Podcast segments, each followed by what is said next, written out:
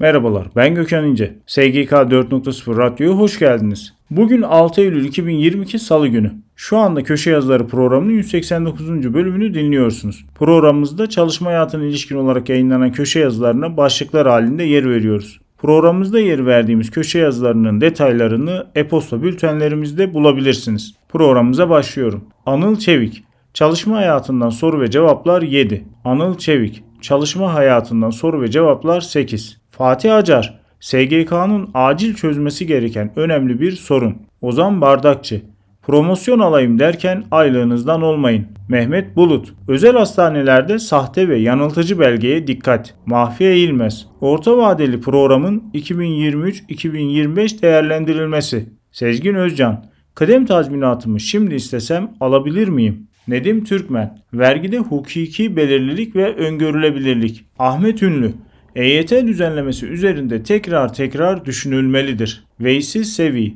Vergi mahkemesinde dava açmaya yetkili olanlar. Bader Arslan PMI Ağustos sonuçları yavaşlamaya işaret ediyor. Armağan Vurdu Dünyada ve Türkiye'de dış ticaret gelişmeleri. Hakan Okay Çalışana geri bildirim vermek. Kerem Özdemir Dijital çağın üretimi nasıl olmalı? Mesut Öksüzler Yurt dışına giden personele verilen avanslar yabancı para olarak verilebilir mi? Musa Çakmakçı İşe iade davası sonunda işe başlatılmayan sigortalının işten ayrılış bildirgesinin verilme süresi ve işe iade davası sonunda işe başlatılan sigortalıların bildirim süresi. İsa Karakaş Pandemiden etkilenen EYT'liler bu düzenlemeleri bekliyor. Alekber Yıldırım Orta vadeli programla gıda enflasyonu tek haneye düşecek. Senem Büyük tanır. Aile hekimlerine eylem soruşturması.